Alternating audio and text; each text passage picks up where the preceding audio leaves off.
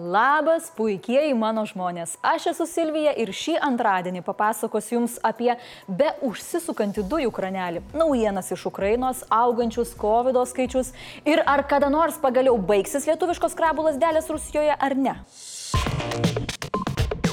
Rusija toliau bando daryti spaudimą Europai, taikydami kur labiausiai skauda - energetiniams ištekliams.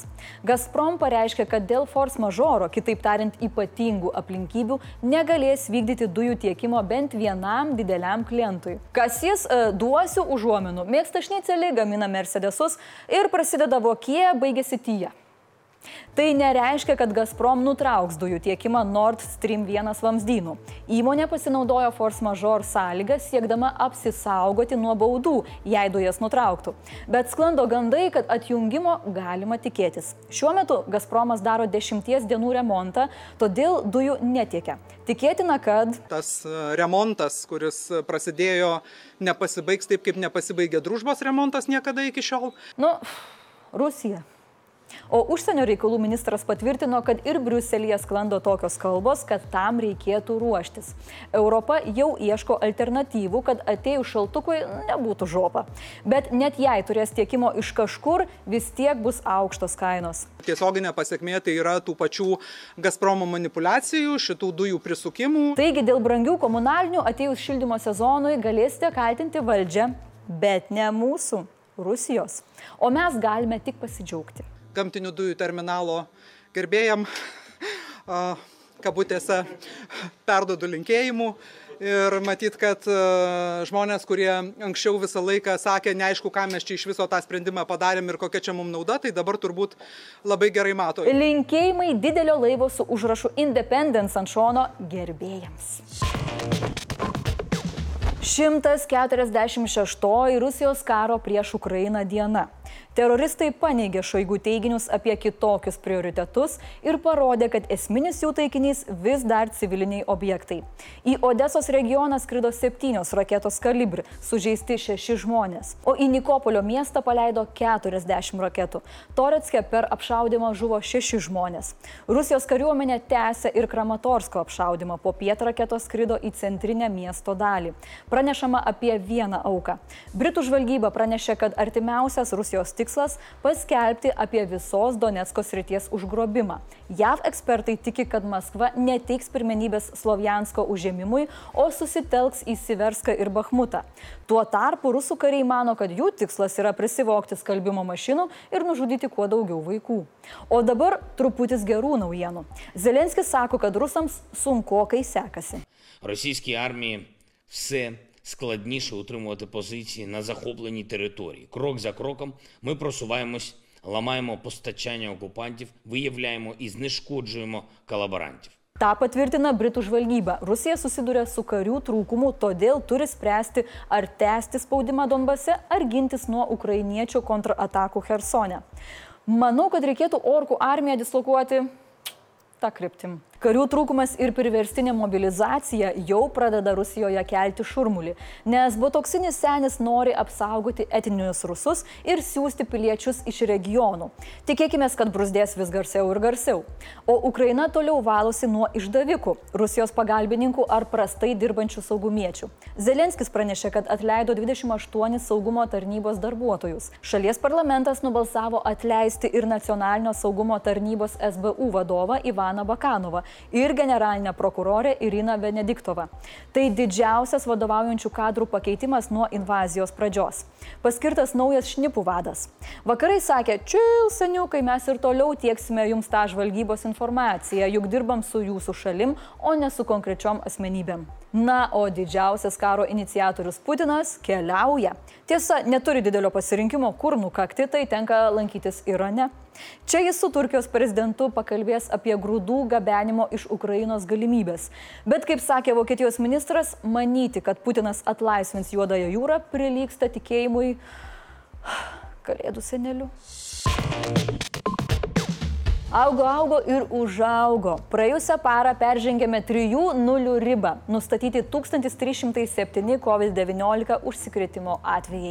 Tačiau dar galite būti ramus, nes... Hospitalizacijos, ypatingai reanimacijos palatų, reanimacijos lovų, tiek ir mirtingumo rodikliuose išlieka stabiliai žema. Ligoninėse šiuo metu gydoma 119 pacientų, iš jų 6 reanimacijoje. Skaičius viena ženklis ir... Kaip taisyklė ir praktiškai kiekvieną dieną labai aiškiai statistiškai statistikos skelbiami duomenys rodo, kad tai yra žmonės, kurie yra nesiskiepę nie karto. Bet kaip sakoma, slides tepk vasarą. Tai antivakseriai jau gali po truputį planuoti nesiskiepyti, na, kad paskui spėtų atsigulti. O tie, kurie gal net nekantriai laukia, kada bus galima gauti dar vieną šatuką, tikrai jo sulauks. Jau nuo rūpjūčio didžiausiai rizikos grupiai priklausantis žmonės galės pasiskiepyti antrąją stiprinamąją dozę. Ir nors vyriausybė kol kas neplanuoja imtis ribojimų kiksmažodžių tapusio žodžio karantinas ilgesniam laikui, nereikėtų pamiršti. Pasaulio sveikatos organizacijos specialusis pasiuntinys Europoje Vitenis Andriukaitis sako, tai padaryti sunkuoka, nes pasaulyje vis dar galioja pandemijos režimas, o jis liks, nes bendras epidemiologinis vaizdas nedžiugina. PSO jau perspėja apie galimą sudėtingą rudenį ir žiemą ir yra informavusi šalis, kad šiuo metu būtų ypač ypač sustiprintas budrumas. Premjerė tiki, kad žmonės jau tapo pakankamai apdairūs įvertinti riziką, susirgti bei gali priimti sprendimus. naivita mūsų premjerė. Jei žmonės sugebėtų priimti reikiamus sprendimus, tai garždiškai per rinkimus neprastumtų gražulio į Seimą. Bet jūs, jūs, mėlyjeji, likite budrus. Primenu, kai reikia dėvėkite kaukės, vedinkite patalpas, plaukite rankas ir gavus progą pasiskiepykite stiprinančią dozę. Ši naujiena skirta visiems, bet ypatingai Kauno merui Visvaldui Matijošaičiui. Seimo nacionalinio saugumo ir gynybos komiteto pirmininkas Laurinas Kaščiūnas teigia, kad bus svarstoma drausti verslo ryšius su šia teroristinė valstybė. Turim susitvarkyti. Kitaip tariant, jeigu žmogus pas nesusitvarko, nesugeba to verslo parduoti, nesugeba nueiti nuo tų čiuptuvų, tai tada imkime jam padėti statymiškai. Logiška, jei jau paskelbėme Rusiją teroristinę valstybę, tai turime ir išsiaiškinti, kokias pasiekmes tai turės. Čia labai aktuolus reikalas Matijo Šaičiui, kuris ramė širdimi farširuoja rusų skrabų lasdelėmis ir moka mokesčius okupantams. Opozicijos atstovas valstietis Aurelijus Veryga nors ir tiki, kad būtina reikalauti Matijo Šaičio atsakomybės, tačiau mano, kad... Ir man tai toks dabar, žinot, beklausant susidaro vaizdas, kad tai yra įstatymas, kuris yra rašomas vienam žmogui. Tai ar taip yra daroma? Jis skeptiškai žiūri į draudimą, nes galvoja, jog verslai ras būdų jį apeiti. Tuo tarpu Kauno konservatoriai pristatė rezoliuciją, kuria merą ragina nebevilkinti Vičiūnų grupės pasitraukimo ir pateikti to įrodymus.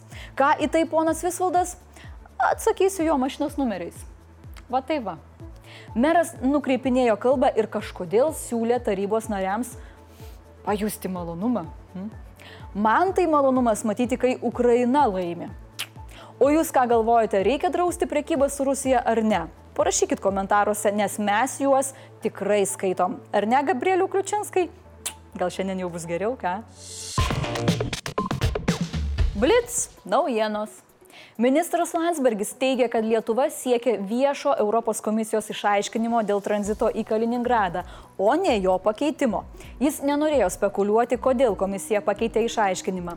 Pranešama, kad Lietuva jau balandį buvo informuota apie ketinimą pateikti papildomas gairias. Dėl vakarų Europo apėmusios didelės kaitros bangos, Junktinėje karalystėje oro temperatūra pirmą kartą viršijo rekordinę 40 laipsnių ribą. Ispanijoje užfiksuotas 43 laipsnių karštis, o Prancūzijoje virtinė miestų ir miestelių užfiksavo vietinių rekordų. Seimas pritarė užsienio reikalų komiteto pirmininkės Laimos Liucijos Andrikienės kandidatūrai į Europos audito rūmus. Galutinį sprendimą priima ES taryba. Jei bus paskirta į audito rūmus, ji neteks Seimo nario mandato ir Seimui teks vėl paskirti naują užsienio reikalų komiteto pirmininką. Policija gavo melagingą pranešimą apie užminuotą Seimo pastatą. Pareigūnai apžiūrėjo postų prieigas bei pastato apylinkės ir sprogmenų nerado. Evakuacija vykdoma nebuvo, nes mūsų darbščiųjų parlamentarų neiškrapštys tokie menki grasinimai.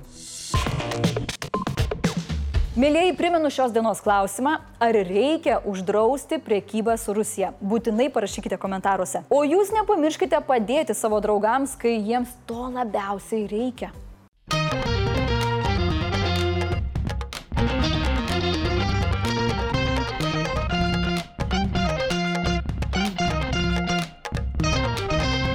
Draugai, ačiū, kad žiūrėjote 14 laidų iš eilės su manimi. Rytoj jau pagaliau grįžta mano mylimi kolegos, palsėję pranešim naujienas, o aš su jumis atsisveikinu geram mėnesiui. Gražios jums vasaros ir tiek žinių.